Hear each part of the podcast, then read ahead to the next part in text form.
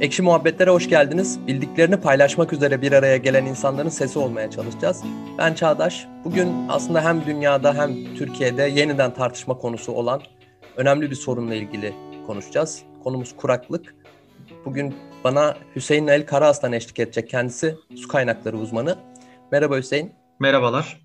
Ee, bize en baştan kuraklık deyince ne anlamamız lazım biz sıradan halkın? Evet Çağdaş senin de söylediğin gibi bu son dönemde kuraklık çok ciddi düzeyde gündem oldu. Hatta şeyi görmeye başladık. Bu drone ile görüntülenen baraj gölleri, işte kurumuş göller, hatta baraj doluluk oranları artık herkesin bildiği bir kavrama dönüştü. E, dolayısıyla gündem, gündemimizde ve bence bunu konuşmak önemli. E, aslında bu kuraklığın tarifini yapmak çok kolay değil. Birçok farklı tanım var. Kabaca şöyle açıklamak lazım. Yağışların mevsim normallerinin altında seyretmesi, veya sıcaklıkların mevsim normallerinin üstünde olması ve bunun, bununla birlikte bu buharlaşma olayının sonucu su kaybının yükselmesi. Aynı zamanda su kaynaklarındaki düşüş, toprak neminin beklenen düzeyde olmaması gibi birçok faktör var aslında. Ve bunlar birçok açıdan dolaylı ve doğrudan yaşamımıza etki ediyor. Bunlardan en önemlisi de susuzluk ve gıda üretimi. Aslında burada kuraklık tanımını kolaylaştırmak için bu meteoroloji mühendislerinin yaptığı bir aşamalandırma var. Ondan bahsetmek daha doğru olur. Kuraklığın ilk aşaması meteorolojik kuraklık. Bu adı üstünde hava olayları ile ilgili bir şey. Yani ilk akla gelen şey aslında belki de yağışın belli bir dönem için ortalamaların altında yağması. Uzun dönem bizim beklediğimiz ortalama yağışlar var. Bunlar ölçülüyor. Eğer yağışlar belli bir seviyenin altındaysa meteorolojik kuraklıktan kabaca bahsedebiliriz. Tabii bunun dereceleri var ama o detaya girmeyeceğim. İkinci aşaması hidrolojik kuraklık. Bu uzun süren meteoroloji kuraklıktan sonra gelişir. Eğer yağış çok fazla yağmazsa bu yeraltı suları dediğimiz su kaynaklarımız veya işte e, akarsular, dereler, göller vesaire bunların e, su miktarlarında düşüşler meydana gelir. Onlar da ortalamanın altında olabilir. Buna hidrolojik kuraklık diyoruz. Üçüncü aşama tarımsal kuraklık. E, bu ilk, ilk iki aşama gerçekleştikten sonra tarımsal kuraklık oluyor. Bu da topraktaki nem, düzeyinin belli bir seviyenin altına düşmesi. E, yani sonuçta bitkiler ihtiyacı olan suyu kökleriyle, kökleriyle alıyor. Toprakta yeteri düzey nem olmadığı zaman zirai kuraklık oluyor ve bunun sonucunda verimde düşüş bir gıda krizi olabiliyor. Kabaca bu şekilde tarif edebiliriz. Böyle bir şey oluyor. Yani ben böyle haberleri okuduğumda e, falan böyle benim aklımda canlanan işte kuraklık deyince musluktan su akmayacak. Sanki böyle boğazımız Hı-hı. susuzluktan kuruyacakmış falan gibi e, bir şey anlaşılıyor. Aslında sen güzel tarif ettin. Yani birinci derecede tarımı etkileyecek diye. Var mı mesela tarihte veya ülkemizde böyle yoğun bir kuraklık dönemi? Nasıl sosyal sonuçları olmuş? Kuraklık tarih boyunca olmuş. Yani şu olmuş. Meteoroloji kuraklık dedik ya. Yağışlar zaman zaman beklenenin altında düşer. Ortalamanın altında düşer. Zaman zaman çok çok çok altında düşer. Zaman zaman da çok nemli yıllar olabilir. Tarih boyunca bu olgu her zaman vardı. Bir tarihe baktığımızda Maya uygarlığı, Hitit uygarlığı, Akat uygarlığı gibi kimi ismini bildiğimiz hepimizin hatta Hitit Anadolu'da vücut bulmuş bir medeniyet. Onların kuraklık veya kuraklığın tetiklediği bazı sebeplerle yıkıldığına ben denk geldim araştırmalarda. İlla kuraklık tek başına sebep olamaz ama kuraklığın yarattığı zincirleme mekanizmalar sonucunda bu medeniyetler yıkılmış olabilir. Yakın tarihe baktığımızda da e, yağışların düşük düzeyde kalması veya işte bu sıcaklıkları çok artması sonucu bu buharlaşma miktarlarının artması gibi sebeplerle kuraklık yaşadığımız seneler oldu. Ee, mesela ben araştırdım. Bu 1973'te olağanüstü kurak bir yıl geçirmişiz. 2017'de de e, olağanüstü kurak bir yıl geçirmişiz. 2019 pardon özür diliyorum. 2019 e, değil ama 2020 yılında da hafif düzeyde bir kuraklık geçirmişiz. Yani şunu söylemek istiyorum. Kuraklık aslında sıklıkla karşılaştığımız bir sorun. E, meteorolojik kuraklıktan bahsediyorum. Bunun altını çizeyim. Yani hava olaylarından kaynaklı. Beklenebilen ve en nihayetinde bence normal kabul edilmesi gereken bir e, olay diye tarif edebilirim. Ben de yakın zamanda e, bizim de coğrafyamızı etkileyen bir şeyden e, bahsetmek istiyorum bu noktada. Suriye'de yaşanan bir sene yaşanan yoğun bir kuraklığın sonucunda köylerdeki üretimin sekteye uğraması sonucu köyden kente düzensiz bir göç yaşanıyor. Yani çok beklenenin dışında hazır olmayan, kentin hazır olmadığı bir göç yaşanıyor ve bu aslında kent yoksullarındaki sayının artmasına, bu yoksullar arasındaki gerilimin artmasına, orada bir takım mezhepsel çatışmaların derinleşmesine bunları da hızlandırıyor. Yani temel sebep bu diyebilir miyiz? Hani o tartışmalı ama hızlandırıyor. Aslında yanı başımızda yaşanan bir iç savaşta da bir şekilde kuraklığın dolaylı bir rolü olduğunu biliyorum. Yani aslında evet doğal bir olay ama tedbir alınmadığı zaman böyle medeniyet yıkacak kadar geçmişte veya iç savaş çıkaracak kadar ciddi sorunlara da yol açabiliyor doğru anladıysam. Ee, kesinlikle yani o yüzden yani kuraklığı normal kabul ediyorsak bu kuraklığa karşı önlemler e, almak lazım haliyle. Yani biz her şeyi doğanın akışına bırakacak olursak zaten medeniyet olmaz. En, en küçük daha doğrusu en beklenmedik olay da yok olur gideriz. Dolayısıyla önlem almak ve yaşamımızı, medeniyetimizi sürdürebilmek gereği bir şeyler yapmak lazım. Burada da bilimsel planlama devreye giriyor. İnsanoğlu e, tabii ki uzak gelecekteki veya işte uzaktaki olayları e, her zaman aynı duyarlılığı gösteremez hayatın doğal akışında. Hayat çok karmaşıklaştı hele şu dönemde. Yani suyun e, önemini kavrayamayabilir. İşte burada planlama devreye giriyor, bilim devreye giriyor, mühendislik yaklaşımı devreye giriyor. Bu da şu aslında biriktirmek.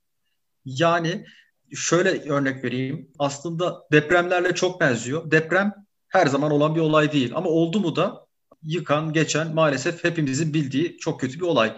E, biz burada ne yaparız binaları tasarlarken? Depremin varlığını kabul ederiz.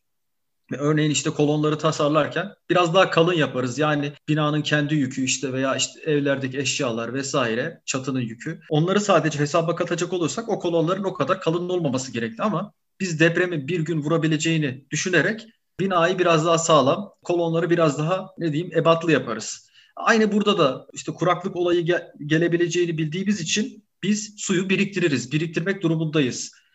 Bu olmazsa işte Suriye'deki durumlar olabilir veya yeterli yeterli miktarda eğer su biriktiremiyorsak olabilir. İşte bu o meteorolojik kuraklığın hidrolojik kuraklık hatta zirai kuraklık boyutuna ulaşması ile ilgili. Bunu engellemek için bir nevi kapasite geliştirmemiz lazım. Hatta ben şunu da örnek veriyorum. E, biz bizim sağlık kapasitesini de buna göre ayarlamamız lazım. Zaten ona göre ayar, ayarlanıyordur idealde. İşte salgın anlarında çalışabilecek düzeyde tutmamız lazım. Bunu işte bu dönemde çok daha iyi gördük. Hatta işte askeri kapasite, ben hatta döviz rezervlerini bile bu finansal krizlerde filan bir nevi sigorta kapasite olarak değerlendirmesi gerektiğini düşünüyorum. E, o yüzden hani burada e, devletin yetkilileri burada önlem olarak yatırım yapması, bir kapasite geliştirmesi gerekiyor bunların olmaması için şeyi söyledin sen bu aşamalandırmayı söyleyince meteorolojik kuraklık, hidrolojik kuraklık bir sonrasında zirai tarımsal kuraklık dedin. Evet. Yani biz şimdi elimizdeki suyun ne kadarını neye harcıyoruz da su bitiyor? Tamam bir geliş kısmı var onu anladık yağış olacak ve onları iyi şekilde depolayacağız. Peki harcarken biz nereye harcıyoruz bu suyu da yetmiyor? Yani şeyi sormaya çalışıyorum. Ee, ne kadarını biz şehirlerde kullanıyoruz? Anladım. Ülkemizdeki e, kullanılan suyun %75'i tarımsal sulamada kullanılıyor. %15'i içme suyu, %10'u da sanayi. Yurt dışıyla karşılaştırdığımız zaman e, ortalama tarımsal kullanım %70. E, ama gelişmişlik düzeyi arttıkça bu tarımsal faaliyetler biraz daha azalıyor. Avrupa ülkeleri de mesela gelişmiş batı ülkelerini kastet, kastedersek. Mesela orada sanayi sanayideki su kullanımı çok ciddi miktarda. %50'ye varıyor. Bizde %10 e, içme suyu aşağı yukarı aynı. Ama sanayi ile tarım biraz daha yer değiştirmiş görünüyor. Bu da beklenen bir durum aslında. Peki e, şimdi bize dönük mesela su tasarrufu için bir sürü e, reklamlar oluyor. Yani ne diyorlar işte ellerinizi yıkarken suyu kapatın, dişlerinizi fırçalarken suyu kapatın, daha az duş alın, işte meyveleri tek bir kabın içinde yıkayın, meyveyi yıkadığınız kapla şeyi sulayın, e, bitkileri sulayın falan gibi böyle günlük kullanımda bunu kısıtlamaya dönük ciddi bir kamu spotu bombardımanına maruz kalıyoruz. Özellikle kuraklık haberleriyle beraber yani o susuz kalma korkusuyla beraber böyle bir şey vaat ediliyor ama aslında biz %15'ini kullanıyoruz. Yani biz komple suyu kessek kullanmayı yine %85 devam edecek üretim için. Ee, bu aslında su tüketimleri lokal bazda e, değişiyor. Yani mesela İstanbul'da özellikle kuraklık e, çok ciddi boyutta, çok ciddi e, düzeyde konuşulur oldu. Orada tarımsal tüketim açıkçası yok. E, sanayi tüketimi de çok cüzi miktarda. Hakikaten en çok kentsel yani evsel su tüketimi konuşulabilir burada İstanbul düzeyinde konuşacak olursak ama yurdun geri kalan kısmında hakikaten tarımsal sulama ön plana çıktığı için buradaki tasarruf da son derece önemli. Şöyle söyleyeyim bu tarımsal sulamada kullanılan yöntemler var. Basınçlı sulama yöntemi ve, ve klasik böyle salma sulama veya vahşi sulama diye adlandırılıyor. iki temel yöntem var. Ülkemizdeki sulama tiplerinin çoğu salma sulama diye geçiyor ve bunlar hakikaten çok su tüketen e, sulamalar. Bunlar bitkinin ihtiyacından daha fazla su verilmesini sağlayan yöntemlerle uygulanıyor. E, burada basınçlı sulamaya geçmek lazım. Bu noktada yatırımlar da yapılıyor. Onu da söylemek gerekiyor. E, sulama yatırımları yani basınçlı boruluya yönelik yapılıyor. Ama kentlere geldiğimizde tasarruf önemleri bambaşka bir noktada ele alınmalı diye düşünüyorum. E, çünkü orada evsel su tüketim var. Şeyden bahsetmek istiyorum. Bu çok ilginç ve bence önemli. E, kentlerde kaybedilen suların, e, kentlerde tüketilen suların diyeyim daha doğrusu yaklaşık yarısı Türkiye ortalaması olarak barajlardan musluklara gelene kadar yolda kayboluyor. Yani anlatıyor yani. Damlatıyor, sızdırıyor veya işte borular iyi bir şekilde yerleşememiştir. Oradan şarıl şarıl boşalıyordur yani damlatma bile değil. Bu tip durumlar oluyor. İstanbul'da bu durum biraz daha iyi. %25 gibi bir kayıp var ama halen kötü. İdeali bunun işte %5, %10'dur. Yani kayıplar da olur yani hakikaten. Ama belli bir seviyeye indirmek lazım. İşte İzmir'de bir %28 gibi, Ankara'da biraz daha fazla diye biliyorum. Yani tasarruf edeceksek asıl buralardan etmemiz lazım. Orada da işte kurumların devreye girmesi gerekiyor ve yatırım Peki, yapması gerekiyor. Hüseyin, Burada da bir yatırım lazım. Ne kadar su tüketiyoruz halk olarak? Yani musluğu açınca biz niye ne kadar tüketiyoruz da bize sürekli az tüketin, az tüketin diyorlar. Türkiye çok su tüketen bir ülke mi? Bilinçsiz mi su tüketiyoruz? Bu konuda var mı bir rakam, bir şey? Yani tarımı katarsak fazla tüket yani üst sıralardayız. Ee, ama sadece evsel su tüketimine dikkate alırsak 50. sıradayız yanılmıyorsam veya 52 de olabilir. O rakama bakmak gerekiyor. Ancak şunu söyleyebiliriz ek, ekonomimiz işte 19 veya 20. iz yani dünya ekonomisine bakarsak e, su tüketiminde 50. isek burada az tükettiğimizi söyleyebiliriz. Yani bizim e, ekonomide bulunduğumuz noktaya göre, milli gelir seviyesine göre daha az tükettiğimizi söyleyebiliriz. Şöyle bir araştırmaya da denk gelmiştim. İlginçtir. Hakikaten dişinizi fırçalarken suyu kapatın. Efendime söyleyeyim. İşte senin bahsettiğin örnekler de var. İşte meyveleri tek kapta yıkayın falan gibi tasarruf örnekleri ben açıkçası e, çok anlamlı bulmuyorum. Diş fırçalama ile ilgili bir araştırmaya denk gelmiştim. 2019 Kasım araştırması. %75'i Türk vatandaşlarının dişleri fırçalamıyor bir kere. Çok iyi. Hani dolayısıyla... O zaman suyumuz bitmez. evet suyumuz bitmez. Eğer bunu istiyorsak ha, bitmez suyumuz tabii ki. Duş Ancak da almıyor tabii... bazı vatandaşlarımız. Ben e, evet. metroda giderken denk geliyorum.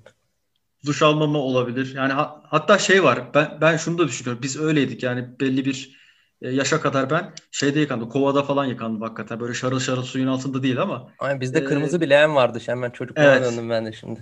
O şarıl şarıl suda ben yıkanmayı e, daha sonra yani alışkanlıktan ötürü bu da. Yani işte aileden öyle gördüm ben. Hani onu doğru olduğunu öğrendim ama yani ben işte bu duşta kullanılan suyun da çok fazla olduğunu zannetmiyorum. Açık konuşmak gerekirse. Araştırma e, bulgusu yok elimde ama sadece bunlar benim tahminim. Yani dolayısıyla ben e, evsel su tüketiminin çok yüksek düzeyde olduğunu düşünmüyorum. Ha şu olabilir. Bu araba yıkama ben çok şey görmüyorum açıkçası. Bazen çok gereksiz yıkandığı da oluyor. Yani orada çok su kaybediliyor olabilir. Bir de şey var. E, bu belediyelerin park ve refüjdeki peyzajları sulama aktivitesi de çok ciddi oranda su kaybetmemize sebep oluyor. Özellikle Ankara'da belli dönemlerde yüzde 20'ye kadar varıyor bu oran. Çok ciddi bir e, miktarda. Bu anlamda bu İstanbul Büyükşehir Belediyesi'nin kaldırdığı peyzaj uygulaması çok önemli. Onlar e, bu su tasarrufu sağlama yönünde bence olumlu adımlar. Yani dönüp dolaşıp gene e, bireysel değil kurumsal tasarrufun önemli olduğunu e, görüyoruz burada. Yani o zaman mesela peyzaj planlaması yaparken herhalde daha az su isteyen bitkilerle bunu yapmak e, Kesinlikle, daha evet. mantıklı olacak. Evet yani yereldeki bitkiler hani o yerel e, ekonomiyi güçlendirmek için ve oradaki daha az su tüketen bitkiler belki seçilebilir. Bir de şeyi soracağım. Ben özellikle kırsal bölgelerde veya yeni kentleşen, ya adı kent ama kendisi daha kasaba gibi Hı. olan e, yerlerde işte bahçeli evlerinde insanların veya tarlalarını sulamak için, küçük bahçelerini sulamak için böyle çukur kazıp böyle bir e, kuyu suyuyla, kendi bulduğu suyla evet. motoru çalıştırıp kullanıyor insanlar. Yani buna para falan da ödemiyorlar e, bildiğim kadarıyla. Bu şey bir şey mi? Bu böyle yaygın bir şey ama yasal mı? E, normalde izin alınması gerekiyor. Yani çünkü yeraltı suyu kamu mülkiyetinde ve yeraltı suyunun bir rezervi var.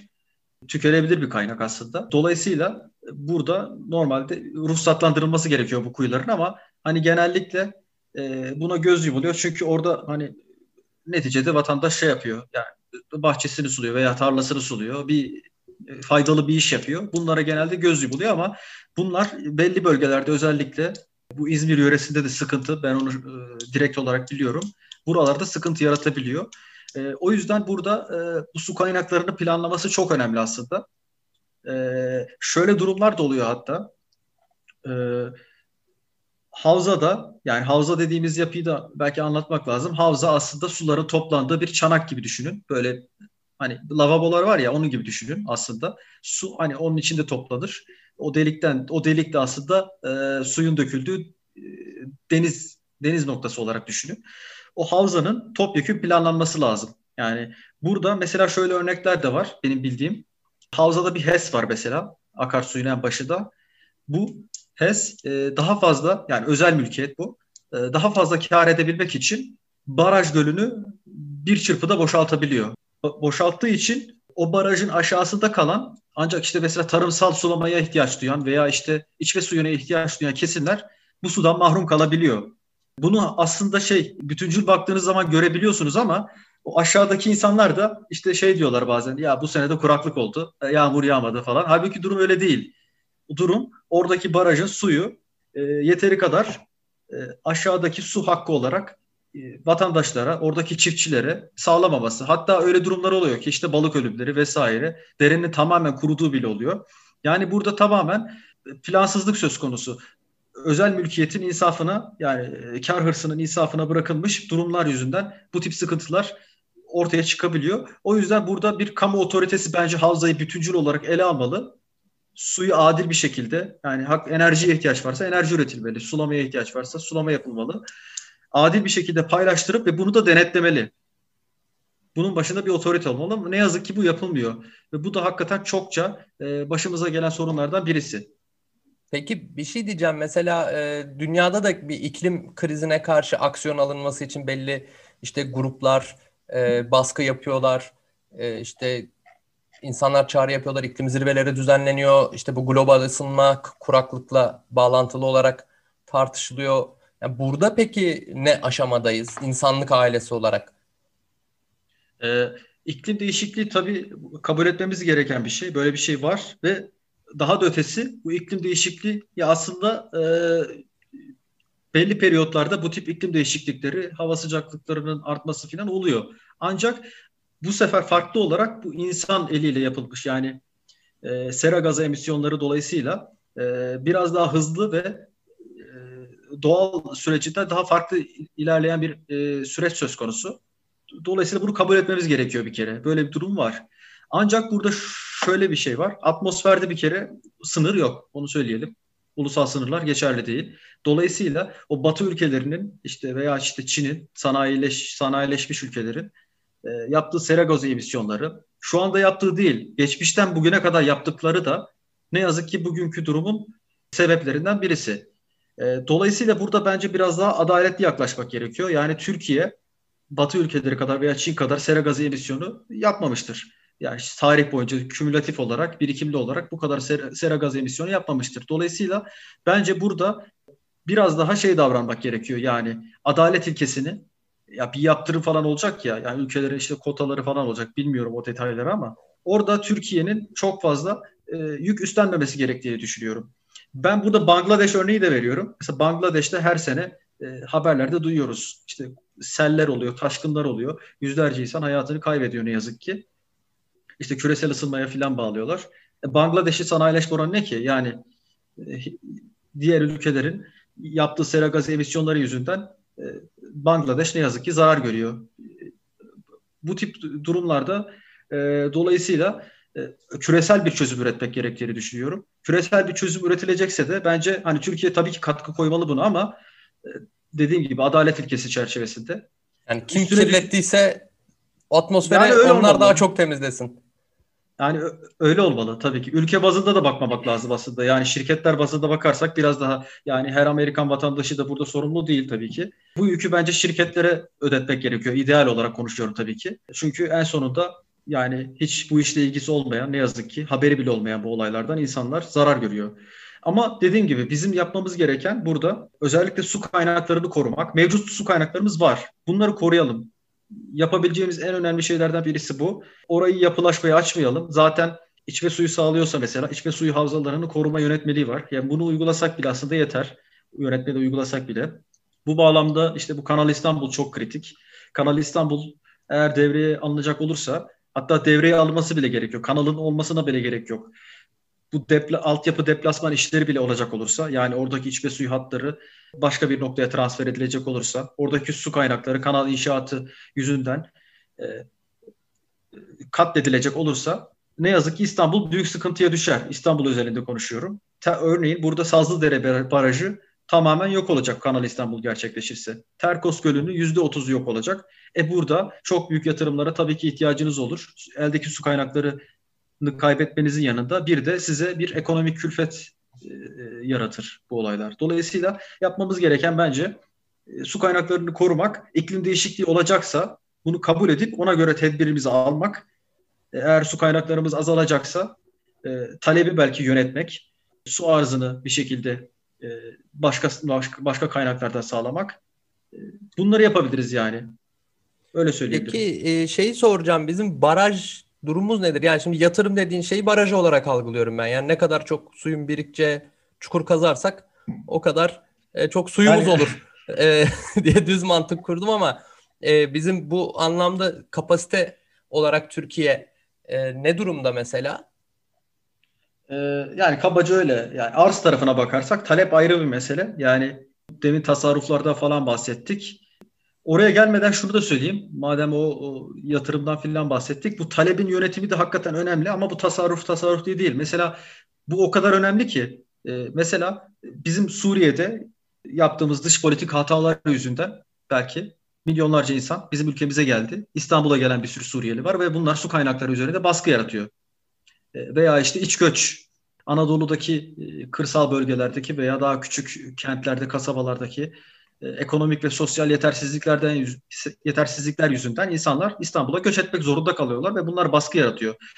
Talebi yönetmek derken aslında böyle bakmak lazım olaya. Yani global yani ulusal bazda hani anayasayla ben belki bunu şey yapabilirim, örnek verebilirim. Anayasal bir plan gibi düşünelim. Onun altında işte mikro planlar, ekonomi, gıda vesaire bunları uygulamak başlayıp talebi yönetebiliriz. Arz tarafı ise baraj yapmak dediğin gibi mesela. Oraya bakacak olursak e, baraj doluluk oranlarına bakabiliriz. Yani bu çok aslında e, fikir vermeyebiliyor ama yani kabaca ülkemizin şu anda ne durumda olduğunu söylüyor.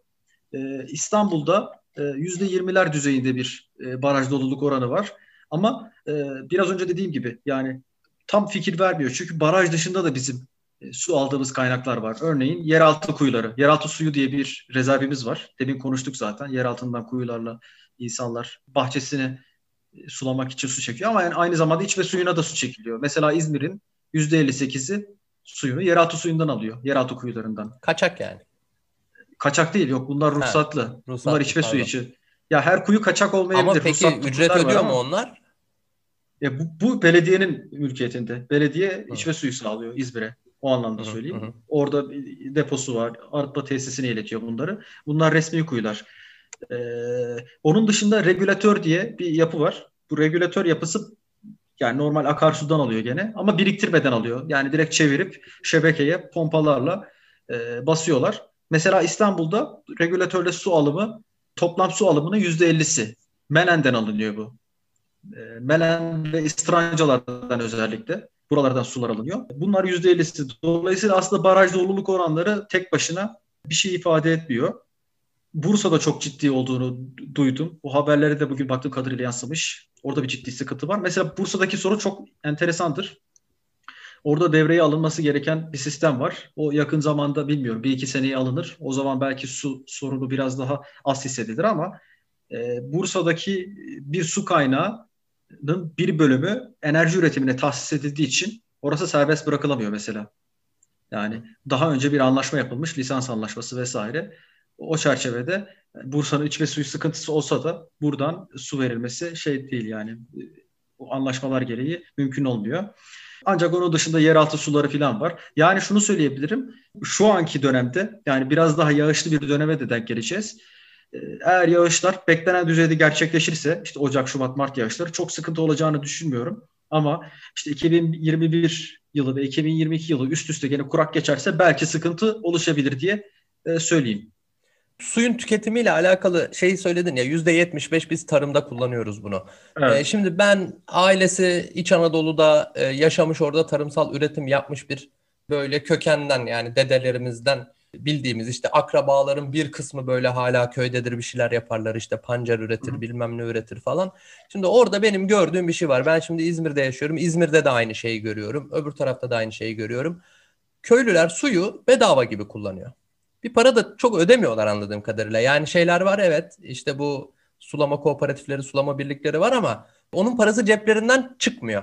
Yani çünkü popülizm var işte oy zamanı seçimde oy istenecek o insanlardan. Onlar da alışmışlar ödememeye. Aslında devlet şeyi uygulasa, tarım kanunu uygulayıp o e, gayri safi yurt içi yüzde birini söz verdiği gibi köylüye verse onun parası çıkacak belki ama öyle bir düzen kurulmuş ki e, sen o parayı versen bile köylüden su parası istediğin anda orada seni alaşağı edebilecek bir şeye dönüşmüş bu. Alışkanlığa dönüşmüş. Yani hep böyle şey örneği verir. Elektrikle ilgili kaçak kullanım var bilmem ne diye işte Güneydoğu şey yapılır ama bu suyu e, bedelsiz kullanma işi özellikle kırsalda böyle milli aktiviteye dönüşmüş gibi bir gözlemim var benim. Ne dersin bilmiyorum. Yani e, benim bildiğim kadarıyla e, öyle bir durum var. Yani su, suyun parası geri ödenmiyor. Tasarruflu kullanılmıyor. Öyle olunca hakikaten bu biraz önce bahsettiğim işte vahşi sulama, salma sulama yöntemleriyle çok daha gereğinden fazla su kullanıyor ve su ziyan ediliyor açıkçası. Burada işte basınçlı sulamaya falan orada da bir direnç oluşuyor zaten. Hani basınçlı sulamaya geçmek öyle bedava geçilmiyor. Or- orada bir yatırım yapman lazım. Altyapı yatırımda. Aslında demeye çalıştığım oydu. Yani sen adama bunun parasını verip geride tahsil etsen ve şey yapmasan yani halk dal kabukluğu evet. yapmasan orada e, belki o su maliyetini düşüreceğini düşündüğü için basınçlı sulamaya geçecek. Aynen Daha öyle. su kullanacak. Evet. Ama şu an o suya para vermediği için nasıl olsa bedava diye şarıl şarıl su akıtıyorlar gibi geliyor bana. Çünkü Türkiye'de hani e, tarımsal üretim de e, öyle bir noktadaki sonuçta biz bir sürü şeyde ithal etmek zorunda kalıyoruz. Yani köylerde aslında üretim verimliliğimiz de çok yüksek değil. Bu sulama maliyetleri de artıyor. E, bu da sonuçta bizden çıkıyor.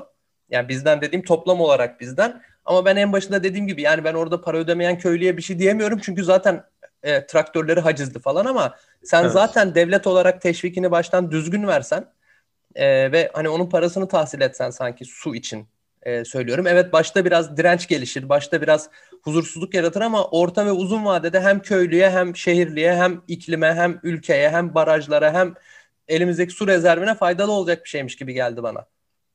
Kesinlikle öyle. Bunu yapmak gerekiyor. Yani e, biraz dediğin gibi seçim kaygısı vesaire bununla ilgili olabilir.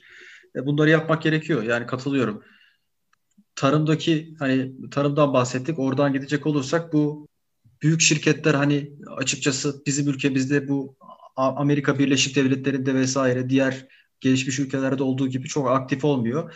E, buna yönelik bir hani büyük şirketleri biraz daha aktif olmasına yönelik sanki bir tarımda şey sezinliyorum. Hani bir plan varmış gibi sezinliyorum. E, bu bizim ülkemizde açıkçası bu büyük şirketlerin çok aktif olmamasının arkasında ben mülkiyetin çok dağılmış olmasına, miras yoluyla bölünmüş olmasına bağlıyorum.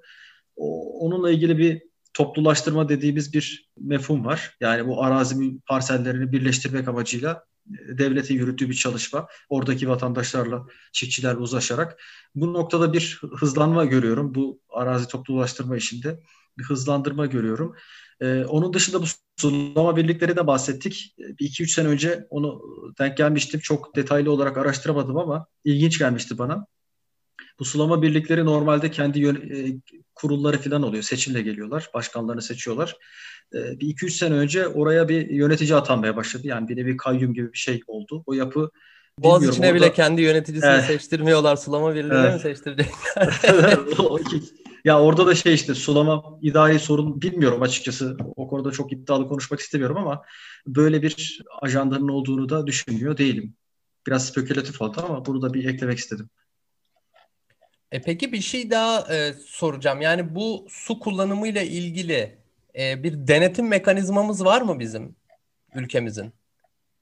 Yani çok ciddi ya devlet miktarda... su işleri falan mesela bu konuda yani, bir şey yapıyor mu? Normalde izin almanız lazım her türlü su kullanımı için ama e, dediğim gibi genelde bu tip şeyleri hani e, göz yumuluyor. Çünkü bazen şey oluyor hakikaten e, yani geçimlik işler yapan bile oluyor. Yani ticari değil de geçimlik aktivitede bulunanlar bile oluyor. Şimdi orada ezelden beri hani su kullanımı da olmuş. Adam sadece şey yapmamış. E, izin almamış, ruhsatlandırılmamış orası. Ona bir şekilde göz yumuluyor olabilir. E, yani oluyor yani maalesef ne yazık ki. E, genelde hani böyle bir denetim olması lazım ama olmuyor. Hatta ben şeyi denk gelmiştim. Denetim şu şekilde oluyor. 2-3 sene önce haberlerde denk gelmiştim. Vatandaşın birisi de kuyu açmış. Oradan işte tarlasını sulamaya çalışıyor. Haberlere denk geldi. O kadar ilginçti ki. E, kuyusunu işte mühürleyecekler. Tespit etmişler kaçak olduğunu. Konya'daydı zannediyorum. Adam böyle neredeyse kendini o gece kondularda olur ya direniş. Öyle bir direniş gerçekleştirdi adam. Yani hakikaten e, işte çığlıklar vesaire orada rehin almıştı zannediyorum birisini. Yani bunu görüyorlar. Halkla karşı karşıya gelmek istemiyorlar benim tahminim. Gene e, böyle şeyler oluyor açıkçası. Yani e, ben doğru anladıysam bireysel önlemler çok çok çok cüzi bir kısmını oluşturuyor bu işin. Yani hem gezegende hem ülkede. Yani kesinlikle öyle. Yani zaten az kullanıyoruz az kullanıyoruz. Bireysel tasarruflar yani ben demiyorum ki hani hakikaten yanlış anlaşılmak da istemem. Şarıl şarıl su aktı falan demek istemiyorum Çok ama. Çok fatura ya, geliyor zaten o zaman. E, zaten öyle olur. Bir kere biz suya e, bir şekilde ücret ödüyoruz. Yani kent evlerde kullandığımız suya ücret ödüyoruz. Onun da hakikaten karşılığını alırız biz bedel olarak yüklenmiş oluruz. Zaten kullanmıyoruz.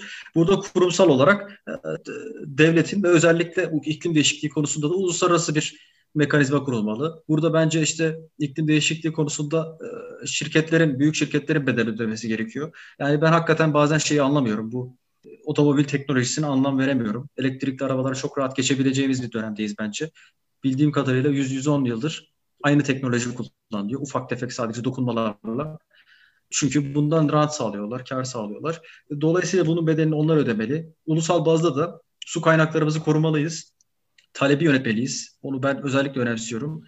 İç göçü önleyecek ve hatta dış göçte artık çok ciddi gerçeğimiz oldu. Onları önleyecek e, daha fazla en azından göç gelmesin. Oradaki ülkelerdeki tabii ki oradaki insanlar e, yerin dibine batsın demek insanları da insanları da koruyacak. Kendi yurtlarında doğru düzgün yaşatacak bir ortam sağlayalım. E, bunun için tabii şey gerekiyor yani ne gerekiyor? Yani makro bazda, global bazda bir planlama gerekiyor. Bunlar yapılsın. Verdiğin bilgiler için teşekkürler. Anladığımız kadarıyla bu sene susuzluktan ölmeyeceğiz. Ama dikkat etmezsek ileride problem yaşayabiliriz. Ve bu depreme yaklaştığımız gibi yaklaşmamız lazım dedin. Hani bence akılda bulundurulması evet. gereken o aslında ne yazık ki günümüz insanı e, biraz da ülkemize özgü olduğunu düşünmüyorum ama günümüz insanı çok günlük düşünüyor. Yani çok ileri vadeli pek düşünmüyoruz. E, işte bir böyle kurumuş çatlamış toprak resmi görüp eyvah su bitecek deyip sularımızı kısıyoruz. Ertesi sene bu konu gündem olmayınca biz bunu unutuyoruz. İş biraz daha bu işin uzmanlarına düşüyor. Oralarda tabii e, ciddi planlamalarda yapılıyor, uygulanıyor, uygulanamıyor. Yerel yönetim ayrı, merkezi idaresi ayrı çalışıyor ama anladığım kadarıyla evet dünyada bir problem var ama Türkiye'de e, baş edemeyeceğimiz bir problem yok. Öyle çok panik havasına girmeye de gerek yok anladığım kadarıyla ama tabii bir genel tasarruf Kesinlikle. kesemiz için herhalde gerekli gibi duruyor. Bir yandan da e, herhalde uluslararası arenada da kendimizi Batı devletlerine ve büyük şirketlere ezdirmememiz gerekiyor Kesinlikle ki öyle. orada küresel rekabet içinde de ezilmeyelim. Yüzde yüz öyle. Çok güzel özetledim bence. Ağzına sağlık diyeyim. Teşekkürler her şey için. Bir daha görüşeceğiz zaten. Aha, ben de çok teşekkür ediyorum. Gayet güzel bir sohbetti. Görüşmek üzere. Bizi dinleyenlere de teşekkür edelim. Hoşçakalın.